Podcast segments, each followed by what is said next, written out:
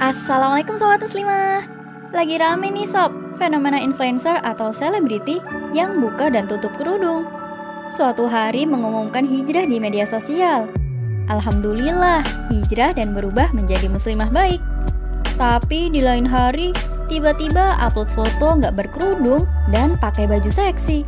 Yang kayak gini sih nggak cuma satu sob Tapi banyak. Mereka menganggap menutup aurat adalah pilihan seseorang. Jadi bebas aja, mau pakai ataupun enggak. Terus upload status, kalian nggak tahu kan apa yang aku alami selama pakai kerudung? Aku tuh berhak membuka aurat, ini pilihanku.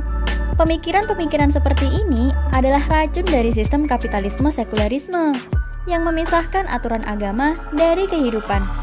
Kehidupannya nggak boleh diatur oleh aturan agama, hidup dijalani berdasarkan hawa nafsu.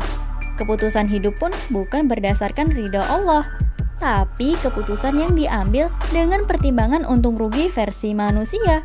Untung kalau bikin dia nyaman, diakui banyak orang, atau tampak manis dan ayu ketika pakai kerudung. Lalu kalau ternyata keuntungan tadi nggak didapat setelah menutup aurat, gampang banget ya sob, tinggal ngelepas aja. Persis kayak kita kelaparan. Bolak-balik buka tudung saji, buat ngecek ada makanan atau enggak ya. Begitulah sob, kalau udah teracuni sama paham liberalisme. Bisa dibilang pemikiran liberal adalah pemikiran anti agama. Dengan dalih kebebasan, mereka ogah diatur sama aturan Allah. Bahkan berani ngubek-ngubek dalil dan memaknai dalil sesuai dengan hawa nafsu mereka. Keputusan yang bertentangan dengan aturan Allah berani diambil dan gak ada malu untuk mengumumkan kemaksiatan. Masih banyak loh yang menganggap sikap seperti ini adalah keberanian yang positif dan keren. Berani menampilkan kemaksiatan dianggap keren. Sebaliknya, para pejuang syariat Allah malah dibilang radikal dan intoleran. Selamat datang di dunia kebalikan, di mana halal jadi haram, haram pun jadi halal, hitam jadi putih, dan begitu seterusnya. Selama negeri ini menerapkan sistem kapitalisme, maka selama itu pula lah kerusakan dan kekacauan berpikir akan terus terjadi. Masalah menutup aurat ini bagi seorang muslimah bukanlah pilihan sob, tetapi kewajiban. Islam mengatur batasan aurat wanita untuk memuliakan kaum wanita. Berarti yang nggak mau diatur sama aturan Allah, siap dihinakan ya.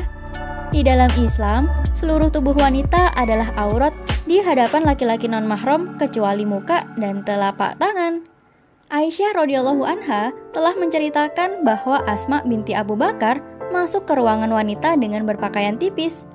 Maka Rasulullah Shallallahu alaihi wasallam pun berpaling seraya berkata, "Wahai Asma, sesungguhnya perempuan itu jika telah balik tidak pantas menampakkan tubuhnya kecuali ini dan ini."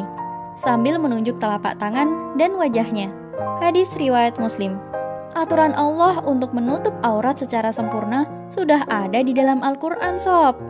Menutup aurat di dalam Islam berarti wajib menggunakan kerudung atau khimar seperti pada surat An-Nur ayat 31.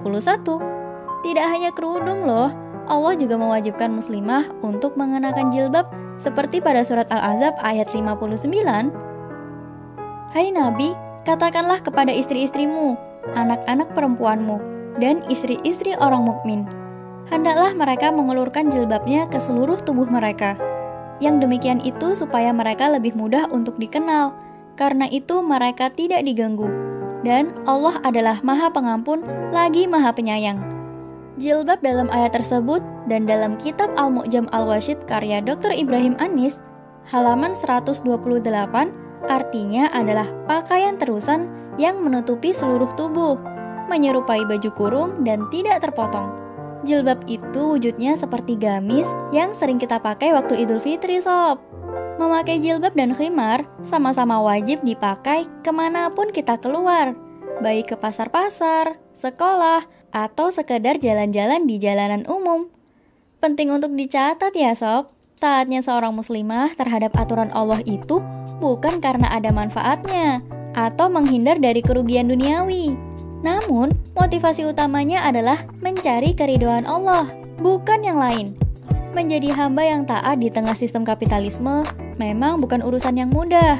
Ada aja cobaannya.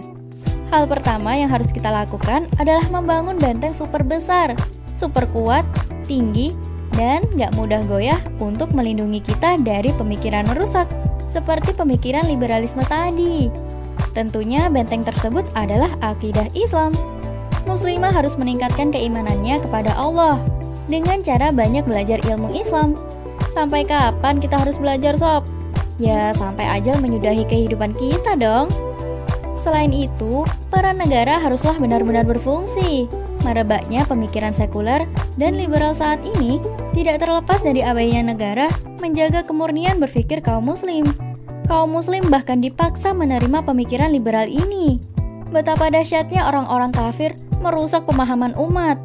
Dengan paham liberal, mereka berupaya menyesatkan umat dari jalan kebenaran. Di sinilah pentingnya negara menerapkan syariat Islam sob agar umat Islam tak lagi teracuni dengan pemikiran asing yang menyesatkan. Semua ini akan terwujud dengan hadirnya khilafah di tengah-tengah umat. So, yuklah berjuang bersama kelompok dakwah Islam ideologis agar senantiasa istiqomah, saling menasehati, mengingatkan dan berdakwah bersama-sama mengembalikan kehidupan Islam ke tengah-tengah umat. Seperti biasa sob, terus update video MMC lainnya ya. Pahami agamamu, bangga berislam kafah.